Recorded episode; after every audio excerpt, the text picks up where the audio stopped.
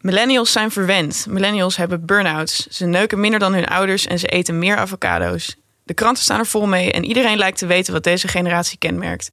Maar kloppen deze stereotypen wel? En wie kan deze leeftijdsgroep eigenlijk beter onderzoeken dan de millennial zelf? Welkom bij de eerste aflevering van Red de Millennial, een podcast waarin wij, Charlotte en Bouke, uit 1998 en 1997 onze eigen generatie onderzoeken.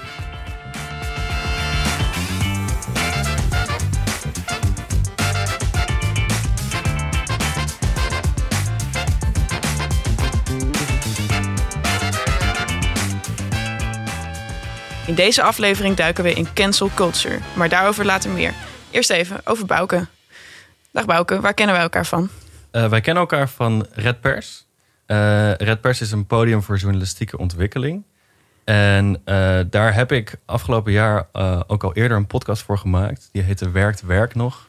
En die ging, misschien raad je het al, over werk.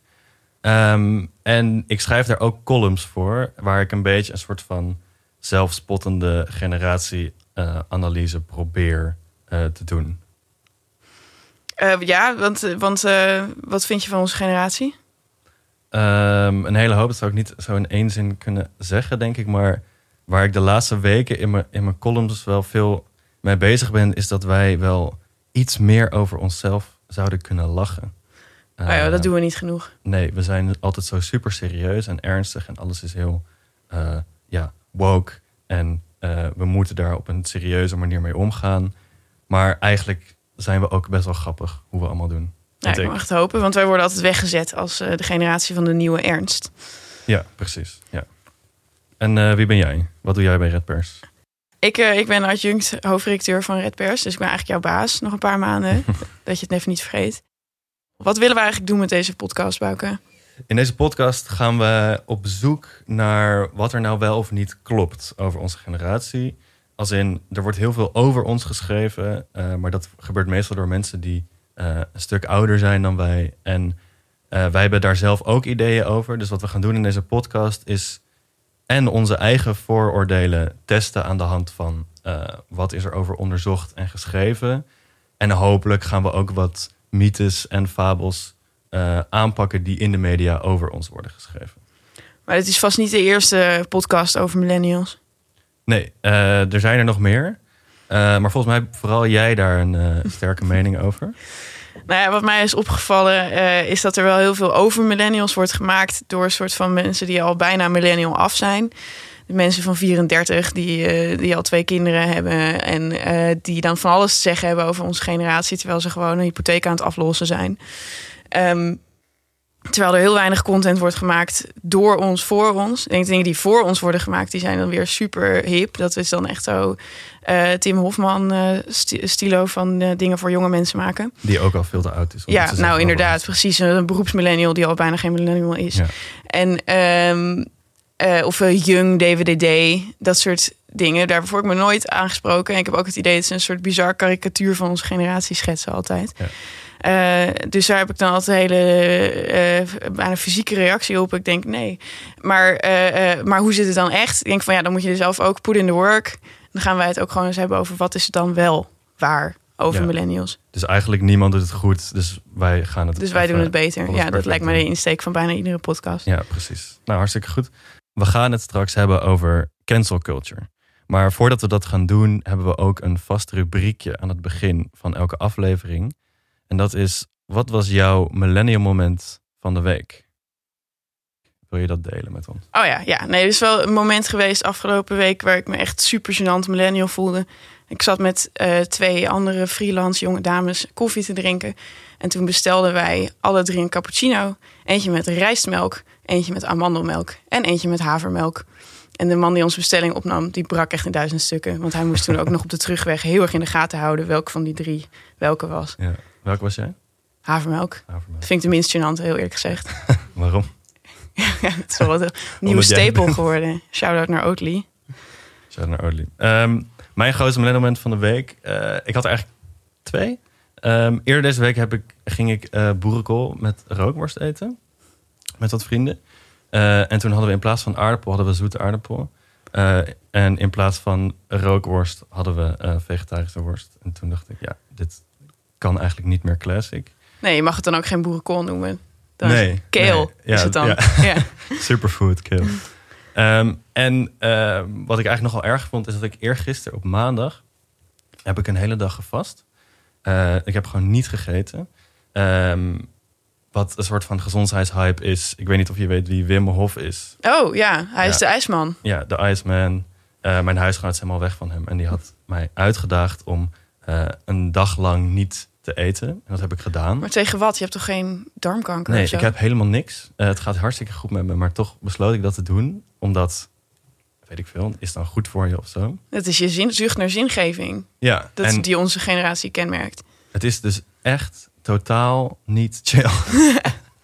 ik heb, het gewoon- ik heb de, me de hele dag zwak gevoeld. Ehm, bijna niks kunnen doen. Eh, ik ben echt met buikpijn gaan slapen. Wakker geworden in de nacht van de honger. En gisteren op dinsdag eh, voelde ik me nog steeds heel zwak. Ik ben nu een beetje aan het Oh, herstellen. je kunt niet wat Maar een miljoen yogis en tieners met anorexia beter kunnen dan jij. Nee. Dat is gênant. Ja. We gaan het hebben over cancel culture. Mijn idee is dat dat extreem relevant is geworden de afgelopen weken. Naar aanleiding van een aantal belangrijke nieuwsdingen. Faulty Towers heeft een aflevering eh, offline gehaald. Er worden meerdere standbeelden beklad, omgetrokken. Het lijkt wel alsof er naar aanleiding van eh rassenstrijd in de VS... eh, een extra golf aan cancelen bij is gekomen. Eh, het cancelen, daar gaan we het zo even over hebben wat dat is. Ehm, maar het lijkt wel alsof er in het nieuws een soort generatiekloof wordt geschetst tussen mensen die cancelen en de mensen die daartegen zijn. En dat de millennials zouden dan cancelzuchtige, kleinzerige mensen zijn. En die had je vroeger niet. En dan is het dus misschien even belangrijk van... als we het hebben over cancelen... eh, dus bijvoorbeeld die aflevering en, en die standbeelden... eh, wat er dan een beetje gebeurt...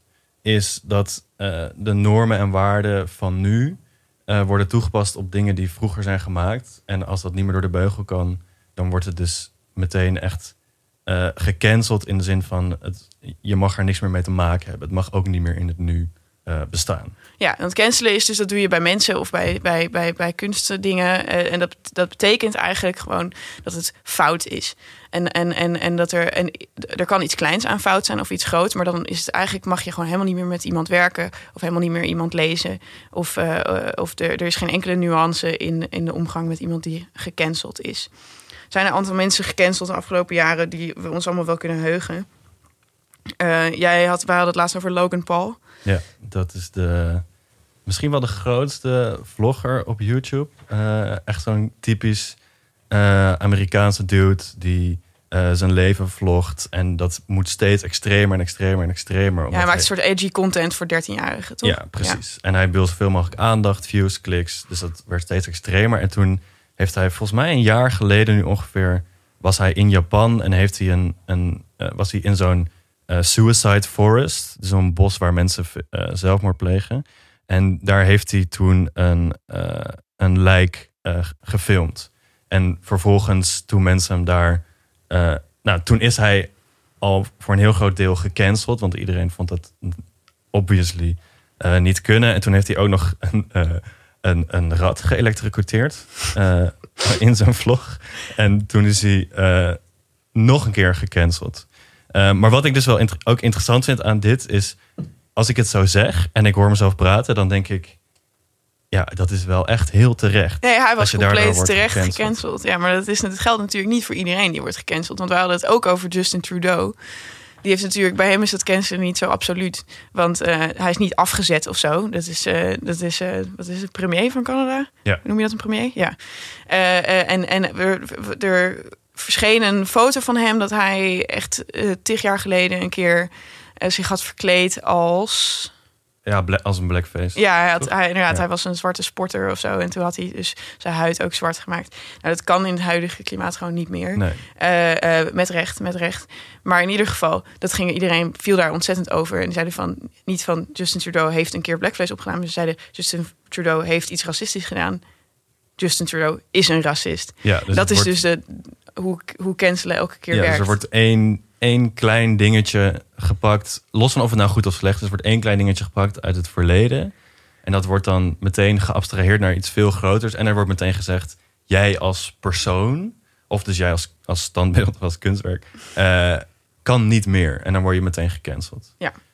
Ehm, ja, wat, wat, wat vind je daarvan? Is dat iets goed, iets slechts? Het goed zegt cancelen. Ja, dat is de, de, de, de grote vraag natuurlijk.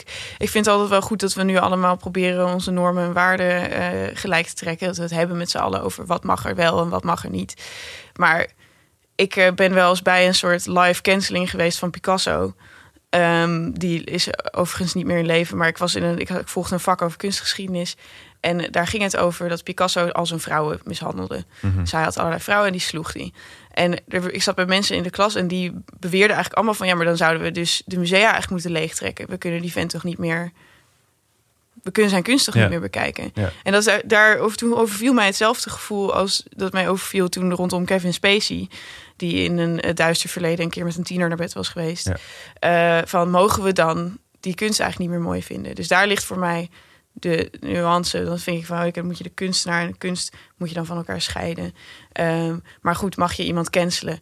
Ehm, zoals Lia Michel, die de hoofdrol speelde in Glee. En van wie nu allemaal dingen uitkomen over dat ze de achtergrondacteurs kakkerlakken noemde. En dat ze een keer in een bak soep heeft getuft. Dan denk ik van ja, je mag in ieder geval weten dan van haar dat ze zo is. En dan mag je misschien gewoon niet meer met haar willen werken. Ja. Eh, in die zin is het handig dat we de receipts op Twitter gooien. Ik hoorde een keer eh, een, een grap over Picasso. Dat de reden dat, zijn, eh, dat hij mensen en gezichten en vrouwen altijd zo raar afbeeldt. Dat dat iets te maken heeft met zijn verleden als eh, vrouwenmishandelaar. Maar dat terzijde. Ehm, Ja, het ontmenselijken van vrouwen is ongeveer kunstenaars hobby nummer één. Ja. Maar daar kunnen we op een andere aflevering wel over hebben. Ja. Ehm, wat, ik wel, wat, wat ik er dus wel lastig aan vind, is dat het er wel van uitgaat dat iemand niet meer kan veranderen. Ehm, bijvoorbeeld dan zo'n Lia Michel. Ja, ik moet eerlijk toegeven dat ik, dat ik nooit Glee heb gekeken. Ah, eeuwig Maar- zonde. Heel gezonde, inderdaad. Ehm, maar kijk, stel zij eh, verbetert haar gedrag, eh, dan, zou ik, dan vind ik dat er ook wel iets voor te zeggen van dat je zo iemand nog mag vergeven en dat het in de toekomst misschien wel weer oké is. Maar Ja. in cancel culture heerst heel erg het idee dat als iemand ooit fout is geweest, dat je dat dus ook voor altijd bent. Ja, ja, en die oude koeien die worden allemaal heel netjes opgeborgen voor de volgende keer dat je over de schreef gaat. En dan zeggen ze van ja, en jij was laatst toen was je ook al transfobisch in 2014. Eh, dus laten we het daar nog een keer over hebben. Dus je kunt er inderdaad niet aan ontsnappen. Eh, dus dat is het grote. Daarom wordt het ook cancel culture genoemd, omdat het dus voor een soort soort, soort sfeer zorgt. En een angst om, eh, om over de schreef te gaan. En, Ja. en, en, en dat het dus ook een rem is, denk ik, op creativiteit. Ja, precies. En de- dan, dan ben ik wel benieuwd.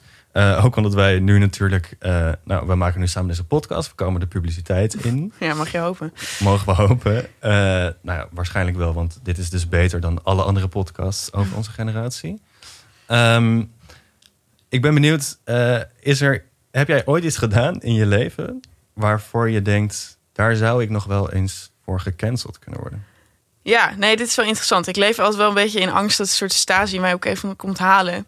Want eh, dit gaat een hele rare bekentenis zijn, maar ik zeg regelmatig het N-woord. En dat komt dus niet doordat ik dat zelf leuk vind om te doen... of omdat ik een rapper ben of wat dan ook. Maar ik eh, werk voor een uitgeverij en ik ben de redacteur van een, een, een oude Surinaamse dame... die schrijft over haar afkomst en over... eh, eh, hoe zij zich daar nu over voelt in het huidige klimaat. En zij vindt het dus heel erg fout dat we het altijd hebben over zwarte mensen. Ze zegt: Ik ben niet zwart, ik ben. Ja. Ja. En dus ik kom bij haar thuis en dan ga ik met haar thee drinken. En dan ga ik met haar naar manuscript zitten. En dan noem ik haar een zwarte vrouw. En dan wordt ze boos op me en zegt ze: Nee, ik Ja. ben. En dan moet ik dus van haar dat altijd tegen haar zeggen. En dat doe je ook? Nee, ja, dat doe ik ook. Ja. Ik, vind het, ik vind het zo raar om bij haar in haar eigen huis dan te zeggen van nee, mijn waarden gaan boven de jouwe. Dus ik noem jou iets wat jij jezelf niet noemt. Eh, maar ik, ik leef een soort absurde angst dat er zo opnames van bestaan. En dat ik een keer daarop betrapt ga worden.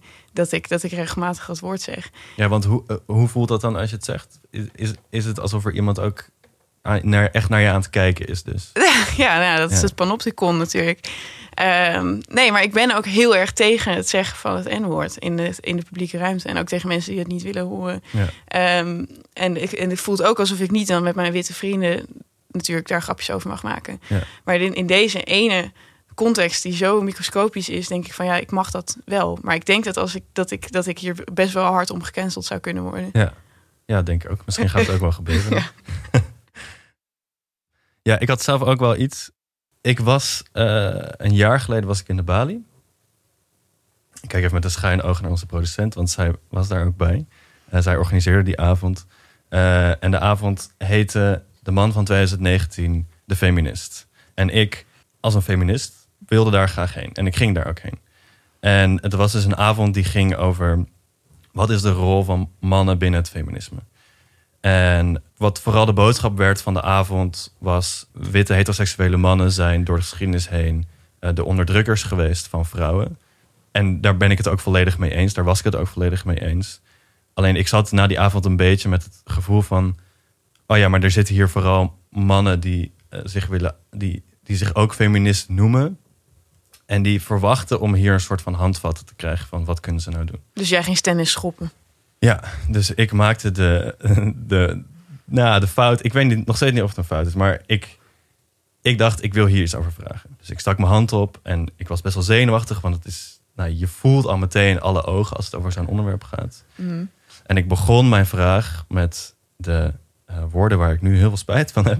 Ik ben zelf een blanke heteroseksuele man. Oh, fout, fout, fout, Heel fout. fout. Ik werd meteen gecorrigeerd ook door iemand van het panel. eh, die zei nee, wit. En toen dacht ik ook meteen van, oh ja, shit, klopt. Je hebt gelijk, je hebt gelijk. En toen zei ik ook, nee, ja, wit. En toen voelde ik, was ik nog onzekerder en gestrester. En toen stelde ik mijn vraag op een manier die erop hintte... dat ik me heel aangevallen voelde... doordat het de hele tijd over onderdrukte en oppressors ging... als witte heteroseksuele mannen. Want wat vroeg je dan? Wat zei, wat zei je? ja, de, de exacte woorden weet ik niet meer. Maar ik, ik zei dus iets als... Ik ben zelf een, een witte heteroseksuele man. En ik onderschrijf echt de boodschap van het feminisme. Alleen ik vraag me af of het op deze avond... eh, hoe constructief het is om vooral eh, in te gaan op het, het feit... dat witte heteroseksuele mannen oppressors zijn geweest. En dat we misschien ook meer kunnen kijken naar wat, wat kunnen, eh, kan deze groep wel doen. Ja, nee, read the room. Dat is niet, dat is niet de juiste vraag om te stellen.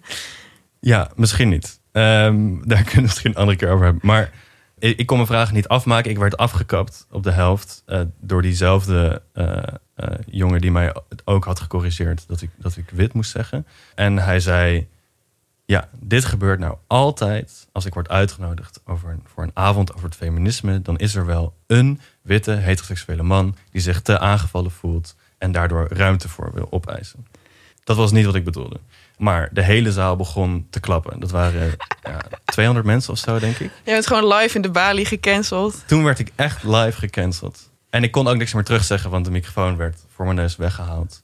En toen was er zelfs nog een vrouw die eh, voor mij zat, die opstond. Terwijl ik zat daar. Zij stond op, zij keek me aan en ze zei echt met een vinger, zei ze, eh, schaam jezelf. En schaamde je je? Nou, ik heb me echt zelden zo hard geschaamd als toen. Want ik moest ook blijven zitten. Ik had, zo, ik had zoals een ware millennial, ik had een kooltrui aan. En die heb ik zo eh, over mijn gezicht heen getrokken voor, voor de rest van de avond. Omdat ik, ik wilde ook niet meer gezien worden of iets. Nee, terwijl je Eh. toch daar echt was om te leren. Zie hier, zie hier. Ik Het was om te leren. Precies. Ja, ik vind ook wel dat het doorslaat. We gaan nog even één actualiteitje hebben. Ja. Namelijk dat we afgelopen weken hebben natuurlijk eh, heel veel discussie gehad rondom Black Lives Matter. En wat voor, op wat voor manier je daarmee om moet gaan op social media. Mhm. Want we hebben een vorm van activisme heel erg langs zien komen, waarbij die alleen maar op social media plaatsvindt. Wel of geen zwart hokje plaatsen op je Instagram feed. Ja. Wel of niet naar die demonstratie gaan. En dat dan vervolgens wel of niet vastleggen. Nou, ik heb allemaal hele lullige dingen te zeggen over mensen die op Instagram activisten zijn. Maar eh, nou ja, ik begin er wel met eentje. Ik, eh, ik, ik kreeg op, in de stories een heleboel mensen. Ik heb op de Liberal Arts eh, Universiteit gezeten. Dus ik, ik volg heel veel mensen die super begaan zijn met social justice. Wat hun goed recht is. Maar nu kwamen, kwamen er allemaal stories langs met van... als ik jullie deze weken niets op Instagram zie zetten... over Black Lives Matter, over George Floyd... dan ontvolg ik je. Want white silence is violence. Ja. Dus als je je stilhoudt over deze zaken... dan ben je aan het bijdragen eh, eh, eh, aan, aan, aan, aan de verkeerde kant van, Ja. die, van die strijd. En dat schoot mij zo compleet in het verkeerde keelgat. Want ik zit uiteraard aan de goede kant. Ik heb uh, postcolonial theory gestudeerd. Ik, ik weet hier wel dingen van. Maar ik zet helemaal nooit wat op Instagram. Alleen selfies en foto's van mijn kat en zo. Ik ben nooit politiek op mijn Instagram. Dus ik vond het echt een soort extreme next level canceling. Om dan te zeggen van je wordt niet eens gecanceld voor iets wat je wel verkeerd zegt.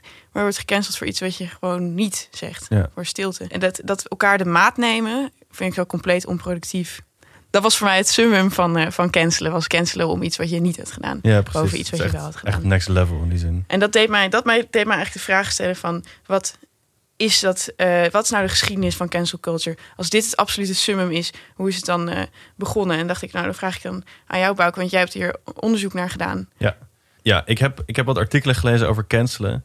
En het interessantste artikel wat ik heb gevonden... en hier komt dus de journalistieke insteek...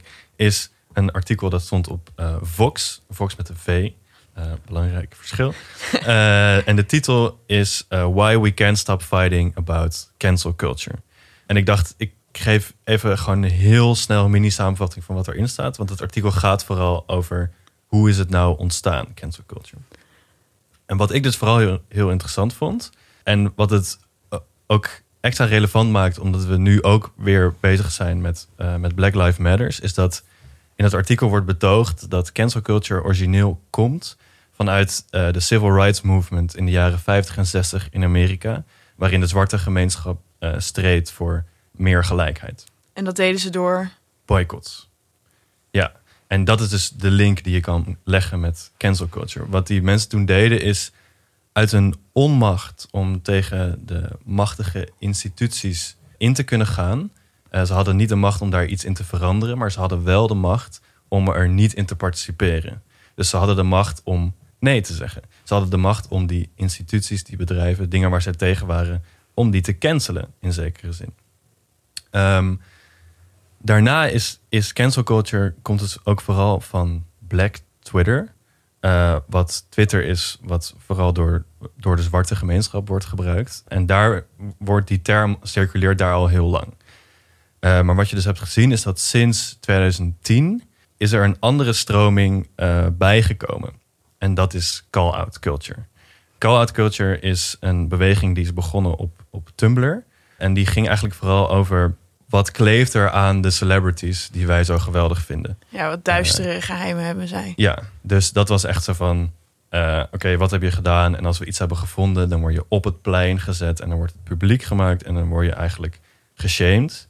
Nou, combineer dat met uh, dat boycotten. En dan krijg je dus dat iemand wordt geshamed en vervolgens wordt gecanceld. En cancel culture is dus eigenlijk in die zin, heeft het echt heel erg twee kanten. Aan de ene kant is het een tool van machteloze mensen tegen uh, oppressie, tegen instanties waar zij niks tegen kunnen doen, om die te cancelen en om op te komen voor hun, hun rechten en hun normen en waarden. Dat is wat je in ieder geval naar mijn mening bijvoorbeeld ook dat is iets goeds, zou ik zeggen. Uh, Dus dat machtige mensen, uh, ook celebrities, ook artiesten, uh, dat we daar nu van kunnen zeggen van hé, hey, dat kan niet door de beugel. Dus ze zijn niet meer onfeilbaar. We zijn niet meer onfeilbaar. Maar aan de andere kant heb je dus dat hele fenomeen van als je iets fout hebt gedaan, word je op, het, op een plein geshamed voor een publiek. Ja, en het lijkt toch altijd wel alsof dat ook ter vermaak is. En niet alleen maar omdat we iemand iets willen bijbrengen of omdat we de wereld willen verbeteren, maar omdat het een soort middeleeuwse publieke steniging is. Uh, of een vierendeling, waar we zo van genieten. Dan kun je, echt, kun je echt van smullen van een goede canceling. Ja, precies. dan kom je, een, kom je een thread tegen op Twitter van waarom ik niet meer naar Ariana Grande luister.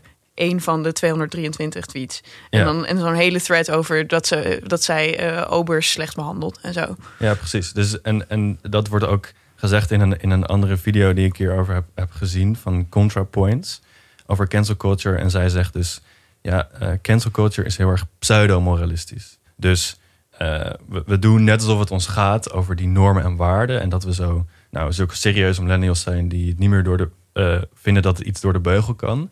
Maar het heeft ook heel erg te maken met wat jij net zegt. Het is ook cool om dat te doen. En je krijgt er aandacht mee op Twitter. En het is, het is ook het is leuk voor het publiek om iemand te zien die het gemaakt heeft, om die volledig van zijn of haar voetstuk te zien vallen. Dat, de- daar halen mensen ook plezier uit, een soort van schadefreude. Ja, wat ik zo interessant vond, ik heb ook de video van ContraPoint gezien. Wat ik zo interessant vond, waar zij het over had, was dat het ook nog eens dat die, die tools van de machtelozen, die worden dan vervolgens weer afgepakt door de machtigen en eigenlijk geleend eh, eh, om, om, om hun eh, competitie mee dood te slaan. Dus je? nou, het is, zijn niet alleen gewoon fans van, van R. Kelly die zeggen van nou, we moeten niet meer naar R. Kelly luisteren. Het zijn ook gewoon twee influencers die met elkaar in conflict zijn, die dan gewoon gaan graven in elkaars verleden om daar dan iets Duitsers uit te plukken. Ja, omdat, precies. omdat de Ja. ene een po- sponsorship deal heeft Ja. waar jij jaloers op bent. Dus dan zeg je nou, die en die is cancelled. Want die heeft een keer op carnaval zich als indiaan verkleed. Ja. En dan zit er dus ook echt een, een, een soort van financiële component aan vast. Nou ja, precies. Dan is het dus niet meer een tool om de oppressor omlaag te halen. Dan is het dus een soort eh, commercie. Ja, want als je een influencer bent, dan ben je een merk, een bedrijf. Ja, Als je dat kan ja precies. Dus jouw persoonlijkheid, dat is een soort ultieme Ja. boycott inderdaad. Om te zeggen van jij bent een racist. Ja, ja. Ja, nee, precies. En nou ja, onze podcast gaat natuurlijk vooral over ook wat heeft het dan met onze generatie te maken. En het wordt dus vaak aan onze generatie toegedicht. Eh, dat staat ook in het artikel van eh, dat dat iets nieuws is, cancel culture. Maar ja, het heeft dus wel roots in, eh, in de civil rights movement van de jaren 50, 60. Wat denk jij? Is het, is het iets nieuws dat we dit, dat we dit nu zien? Of Ja, instinctief dacht ik altijd eh, ja. Want ik merk gewoon dat je heel erg op je tellen moet passen als je in een gesprek zit. Want, want voordat je het weet ben je degene die dat heeft gezegd. Mhm. En dan ben je dus eh, niet meer welkom in bepaalde kringen. Eh, en ik dacht van, Jezus Christus, vroeger was dat toch allemaal niet zo. Dan, toen had je nog wel een soort... We gingen veel minder subtiel om met, met moeilijke sociale kwesties. Dus ik vind dat er wel veel verbeterd is. Maar we konden toen tenminste nog een soort open gesprek voeren. Ja. Dit, dat, daar had ik het laatst over met mijn ouders. Ik zei van, nou, ik ben toch wel jaloers op de mensen vroeger... die het over eh, eh, rassen en klassen en zo konden hebben... eh, eh, op een intellectuele manier. En dat er niet meteen met een grote stok van goed en fout werd gezwaaid. Maar dat is dus helemaal niet waar. Want in de jaren 60, 70 had je een soort extreme radicale versie van links... waar dan de intellectuele jongere studenten, die hingen dat dan aan. Die hadden dan een t-shirtje met Che Guevara erop. En die zeiden allemaal van, oh, Nixon is een fascist. En, ehm, en als je daar dan mee oneens was... Eh, je was bijvoorbeeld Willem Frederik Hermans en je was het daarmee oneens, dan was je fout. En in bepaalde kringen, dan, was je, dan kon je zelfs niet in de trein gezien worden met een boek van W.F. Hermans. Want dan was je, dan was je ook al fout. Dus, het, dus eh, eh, dat was toen ook, eh, heb ik me laten vertellen door, door, eh, door een paar boomers. Ehm, dat je toen echt ook alleen maar in, in bepaalde kringen eh, heel stilletjes kon zeggen van... nou, dat communisme is toch eigenlijk zo'n feestje niet. ja. En als je het dan wel zei, dan werd je ook Dan werd je gecanceld. Ja, dat is echt zo. En dan heb je, oké, dan heb je altijd soort mensen die daar tegen indruisen, zoals we dat nu ook hebben. Conservatieve jongeren, mensen die zeggen van, oh, je mag niks meer zeggen tegenwoordig. Dat soort dingen. Maar, Maar zijn dat had je toen ook. dat had je dus toen ook. Maar, Ja. maar wij zijn het met z'n allen over eens. En ik denk dat al die linkse jongeren in de jaren 60, 70 dat ook met elkaar eens waren van ja, maar dan ben je dus fout. En, en, en, en, en dan associeer ik mij niet met jou. En ik ga ook niet met jou een soort genuanceerd gesprek aan. Want je bent eigenlijk cancelled. Ook als wij dat noemden we toen eh, niet zo. En het lijkt mij logisch dat het toen ook zo was. Want dat zat nog heel dicht op de civil rights movement waar jij het net over had. Ja, maar, maar dat maakt het wel interessant van, maar wat, wat is het dan? Eh, als het toen ook was en nu ook. En het wordt wel aan onze generatie toegedicht. Ik bedoel, eh, het zijn bij uitstek eh, de boomers die ook tegen, tegen ons zeggen van... ja, jullie zijn veel te politiek correct en de, je mag niks meer zeggen en bla bla bla bla. bla. Nou, ik zou willen zeggen, het echt niet een generatieding, maar een leeftijdsding. Jonge mensen zijn nou eenmaal op zoek naar absolute waarheid. En, eh, eh, en willen het heel graag vurig ergens instaan. Ja. En, en een vurige mening hebben. Ehm, de reden dat we daar nu een soort vertekend beeld van hebben van onze generatie, denk ik, eh, komt ook door eh, sociale media. Hm. Namelijk, ik denk dat social media een grote factor is in die misconceptie dat onze generatie meer bezig is met cancel culture dan eerdere generaties.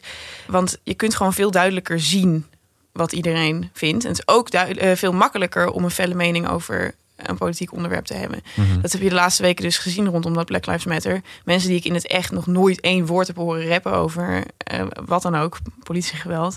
Die hebben ineens eh, zo'n alinea op hun Instagram staan met van eh, waarom jij cancelled bent als je het niet met mij eens bent over politiegeweld. Dus het, het heeft gewoon alles een stukje makkelijker gemaakt. Het is een soort glijmiddel voor, voor, voor politieke meningen is sociale media. Ja, dus jij zegt, het, het, het, het is niet zozeer anders dan vroeger, maar het is gewoon meer zichtbaarder. Ja. Ja. ja, dat gezegd hebbende, dat, dat cancelen waar we het over hadden van zeg maar iemands oude tweets opduiken, Mhm. dat kan natuurlijk ook alleen maar omdat die tweets er zijn. Als je vroeger, als je vroeger iets in de kroeg had gezegd dat niet helemaal goed zat en tien jaar later was je een, een, eh, heel nieuw mens, dan was dat prima, want iedereen wist van oké, vroeger was je misschien fout, maar het staat niet zwart op wit Ja. ergens. En dat is natuurlijk nu wel het geval. Ja, dus een verschil is misschien ook dat wij, in ieder geval, dat merk ik bij mezelf wel, dat je al voorsorteert op later. Ja. Dus dat je eh, je nu al inhoudt met dingen zeggen, omdat je kan voorstellen dat het misschien over 10, 20 jaar dat het niet meer door de beugel kan. Ja, ik, het, het, ik denk dat er eigenlijk geen pijl op te trekken is. Dus je moet er absoluut wel opletten wat je zegt. Maar je kunt eigenlijk niet voorspellen wat er over tien jaar fout is. De hoop die ik wel heb is dat, omdat wij allemaal zijn opgegroeid met social media, is dat er gewoon zo'n breed scala aan vuilnis te vinden is in iedereen's geschiedenis, dat dat cancelen op een gegeven moment niet meer kan. Dat, eh, dat je gewoon iedereen wel kunt pakken op een gênant filmpje van toen hij 13 was. Of op Dat het weer normaal wordt. het- nou ja, dat het weer dingen normaal wordt. die niet kunnen. dat, dat we dat allemaal vergeven. Dat we gewoon weer, dat we weer gaan beseffen dat mensen nou eenmaal veranderlijke wezens zijn en dat ze kunnen leren van elkaar. Maar ja, dat is misschien, eh, dat is misschien een ijdele hoop, maar dat hoop ik wel. Ja, ik vind het wel. eh, ik, ik hoop heel erg met je mee.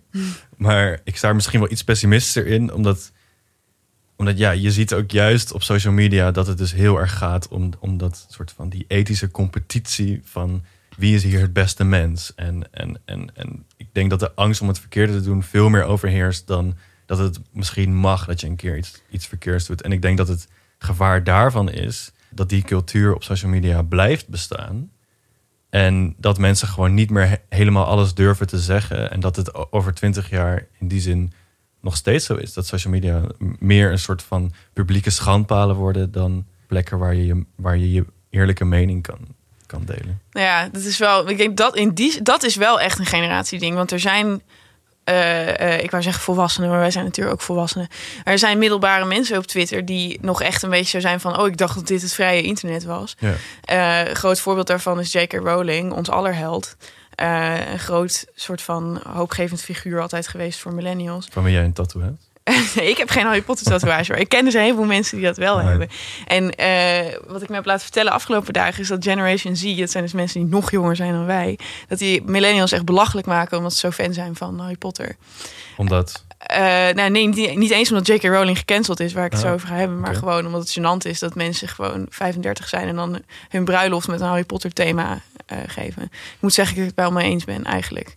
eh, met Generation Z in dat opzicht. Ja, hoezo? ik echt helemaal niet. Wat, jij zou wel een bruiloft eh, in een Harry Potter thema doen? Nee, ik zou het niet zelf doen, maar ik vind het, ik vind het niet iets ergs om te doen. Of iets zulligs of zo. Ik, Nou ja. ik zou juist zoiets hebben van... Ja, vier nog een keer je jeugd of zo. Het is wel hartstikke leuk. maar het is ook zeker een vorm van betutteling. Van, het laatste keer dat ik me veilig voelde was toen ik Harry Potter boeken las. Ik heb sindsdien nooit meer iets opengeslagen. Dit is nu mijn enige hobby. Dat vind ik altijd wel een beetje... Oh, dus jij, jij shamed ze gewoon voor hun lezen. niet-intellectuele Ja, ontwikkeling. nou, ja, precies. Maar goed, daar is J.K. Rowling niet om gecanceld. Ze is gecanceld omdat ze... ehm, en dit is dus, ik vind haar dus een voorbeeld van iemand die dan niet zomaar sorry zegt. Maar die gewoon heel erg op haar strepen blijft staan. Mhm. En zij heeft dus haar kont tegen de krip gegooid door te zeggen van de ervaring van iemand die als vrouw geboren is, is fundamenteel anders dan de ervaring van iemand eh, eh, die, van een transvrouw. Oké. Ehm, en dat wordt dus als transfoob ervaren door de mensen op Twitter. Omdat, Kan je uitleggen waarom, dat- waarom dat ja, transfoob nou, de reden is, zijn? het wordt, waarom het zou, transfoob zou zijn, is omdat het een soort dog whistle is voor transfobe mensen om zoiets te zeggen. En er bestaat dus een hele eh, eh, beweging binnen het feminisme, het, eh, de TERFs, Oké. Trans Exclusionary Radical Feminists. En mensen die zeggen van een transvrouw is geen vrouw. Want, eh, want vrouw zijn kun je maar op één manier. En dat is natuurlijk verachtelijk. Ja. Ehm, maar er is geen bewijs voor dat J.K. Rowling een turf is. Ze heeft zichzelf nooit zo genoemd. Maar zij heeft dus iets gezegd dat soort van in het geniep een boodschap zou zijn aan haar mede-turfs. Eh, Ah. Terwijl wat ik denk is dat zij gewoon een beetje slordig verwoord iets heeft gezegd waarvan zij helemaal niet weet dat er een politieke traditie aan verbonden is. Of, Ja, en eh, dan krijg je dus meteen... Dat, krijg je dus dat- meteen dat abstraction. dat abstraheren naar Eh, van oh ze heeft iets transfoob gezegd en dan verder nog ze is dus een turf. ja. Eh, eh, eh, en, en zij heeft daar dus op gereageerd met van nou jongens, sorry hoor jongens, maar dit vind ik gewoon. En, en dat kan dus echt niet meer. Dat is dat in onze generatie. Ik denk dat dat, dat, dat dat wel echt een millennial ding is. Om dan meteen te knielen en te kruipen. En te zeggen sorry, sorry, sorry, sorry. Om dus inderdaad de kool van je kooltrui over je gezicht te trekken. Ja. En, en, en, en het niet meer achter je eigen mening te staan. Ja, maar en het klinkt, je zegt eh, eh, knielen en kruipen. Eh, dat klinkt alsof jij zelf denkt van nou, dat hoeft misschien niet. Nee, Maar je zou ook kunnen zeggen, nou, eh, misschien was het wel best wel goed geweest als J.K. Rowling eh, eerlijk had gezegd, hey, jongens, sorry, foutje. Ja, ja, nee, als ze dat had gevonden. Maar ik, vind- ik, denk dat als zij had gezegd van... goh, ik heb me nu ingelezen over de turfs... en ik, ben, ik sluit me hier absoluut niet bij aan... en ik bedoelde er iets heel anders mee... dan was het inderdaad leerzaam geweest. Maar ik denk dus dat cancel culture... waar, waar, waar, waar een eerlijk gesprek eindigt... en cancel culture begint... is als er geen ruimte is om eh, iets nieuws te leren. Ja. En, en, en, en, en dus de mensen die onmiddellijk sorry zeggen... die maken daar geen ruimte voor. En de mensen die zeggen van... nou, dat is nou eenmaal mijn mening... die maken daar ook geen ruimte voor. Omdat het gesprek eigenlijk voordat het begonnen is over Al afgelopen is. Ja, want er is Ja. één iemand goed en er is één iemand fout. Ja.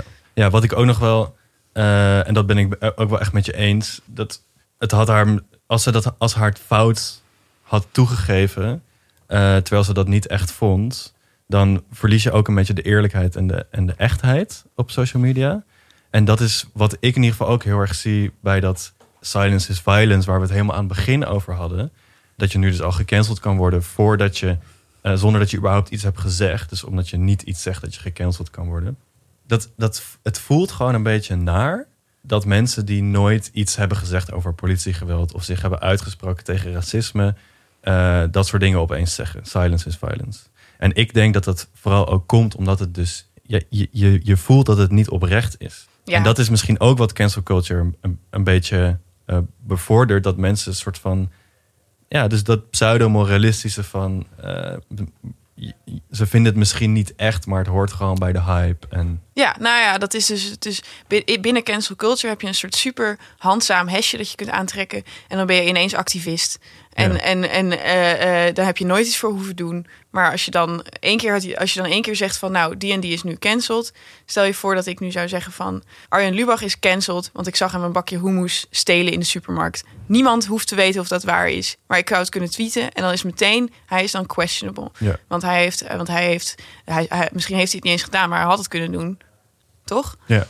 ja. Concluderend kunnen we misschien zeggen dat dus cancel culture heeft een soort van. Eh, er, er zijn twee aspecten van. Het kan een tool zijn voor machteloze mensen tegen oppressie. Bijvoorbeeld, nou, Harvey Weinstein is iemand die ook is gecanceld. Ja. Nou, daar zijn we allemaal hartstikke blij mee, denk ik. Ja. Eh, en aan de andere kant is het ook een, een beetje een nare manier om, om aandacht te krijgen en om mensen publiekelijk te schamen. En dat wordt. Beide dingen zijn heel erg mogelijk en zichtbaar door sociale media. Eens. Bedankt allemaal voor het luisteren. Als je ons wil laten weten wat je ervan vond, eh, of ons wil cancelen, mail dan naar podcast.redpers.nl of vind ons op eh, de socials. Surf vooral naar onze website, dat is redpers.nl. Daar kun je verder eh generatieschets lezen voor en door jonge journalisten. Bouke, wil je nog een boodschap aan, aan de luisteraar meegeven? Ik hoop van harte dat jullie cancel culture gebruiken als een tool tegen oppressie. En misschien nog wel meer dat jullie ons niet cancelen. Oké, met dank aan onze huisfilosoof, Bouke. Tot volgende keer. Tot volgende keer.